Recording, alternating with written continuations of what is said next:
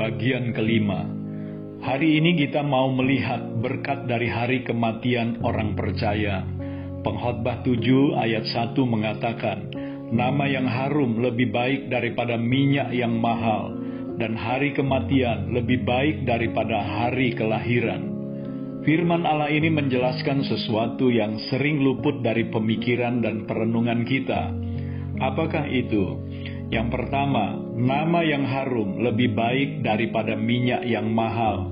Reputasi seseorang yang datang dari integritas dan karakter yang benar jauh lebih mahal daripada kekayaan, prestasi, atau keberhasilan apa pun yang dapat dicapainya. Nama baik adalah warisan yang sangat berharga. Yang kedua, jika hidup seseorang berjalan di atas rel kebenaran yang sesungguhnya, maka hari kematiannya akan lebih baik daripada hari kelahirannya. Saya berharap kita suka merenungkan kebenaran ini untuk mencegah kita terbawa oleh arus dunia yang materialistis, yang akhirnya berujung ketakutan ketika menghadapi hari kematian.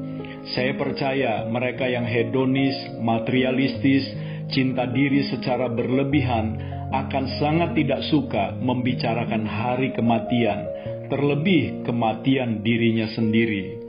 Saudaraku, ketakutan akan kematian memang buah dari kejatuhan manusia di dalam dosa, dan hanya satu obatnya, yaitu kematian Kristus yang memusnahkan iblis di kayu salib, seperti yang tertulis di dalam kitab Ibrani 2 ayat 14 dan 15. Kiranya kebenaran di dalam kitab Ibrani ini memerdekakan kita dari ketakutan akan kematian dan bahkan menolong kita untuk mempersiapkan hari kematian kita menjadi hari yang lebih baik daripada hari kelahiran kita di dunia. Kembali kepada pengkhotbah pasal 7 ayat 1 tadi, jika dua frasa firman Allah ini digabungkan, maka saya akan menuliskan demikian.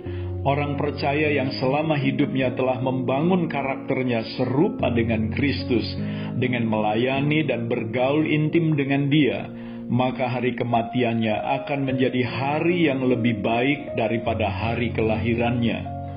Saudaraku, ketika seseorang dilahirkan ke dalam dunia ini, maka sejak saat itu ia masuk ke dalam pergumulan hidup yang penuh dengan penderitaan Ayub 14 ayat 1 mengatakan, manusia yang lahir dari perempuan singkat umurnya dan penuh kegelisahan.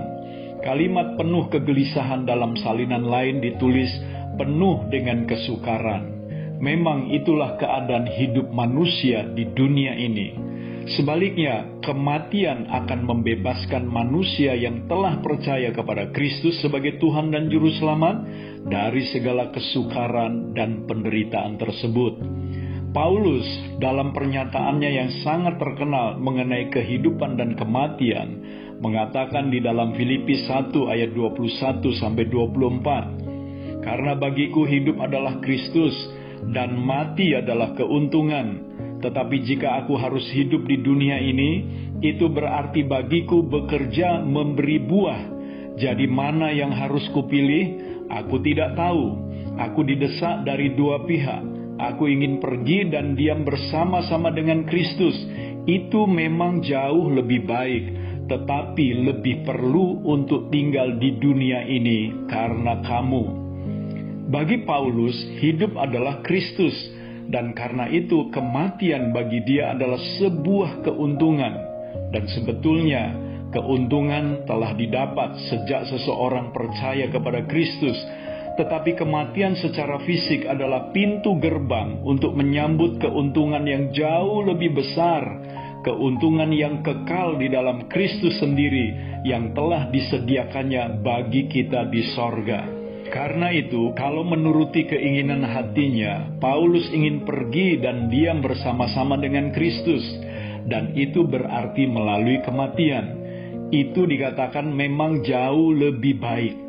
Kiranya kita orang percaya memiliki pandangan dan harapan yang sama seperti Paulus. Jadi, apa yang kita bisa pelajari di sini dari hari kematian yang akan mendatangi setiap orang? Kiranya semua kita orang percaya termotivasi untuk menjadikan hari kematiannya sebagai hari yang lebih baik daripada hari kelahirannya.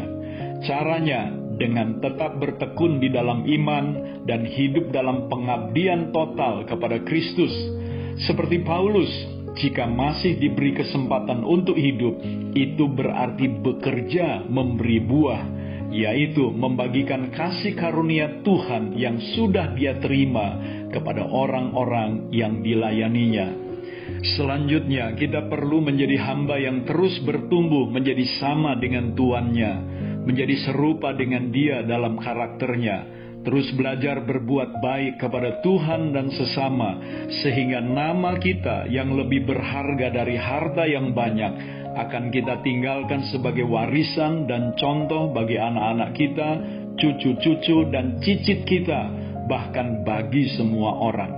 Mengakhiri seri renungan tentang kematian hari ini, mari kita membaca kisah para rasul 7 ayat 55 dan 56. Tetapi Stefanus yang penuh dengan roh kudus menatap ke langit, lalu melihat kemuliaan Allah dan Yesus berdiri di sebelah kanan Allah Lalu katanya, "Sungguh aku melihat langit terbuka dan Anak Manusia berdiri di sebelah kanan Allah." Membaca dan merenungkan kematian Stefanus dan para saleh Tuhan lainnya, saya membuat catatan ini untuk kita semua. Kematian orang percaya adalah sebuah keindahan, kemuliaan, kehormatan, dan keuntungan yang tiada taranya. Mengapa? karena Kristus sendiri yang menyambut kedatangannya di sorga. Amin. Saya Theo Barahama, Bring Heaven Home. Tuhan Yesus memberkati saudara.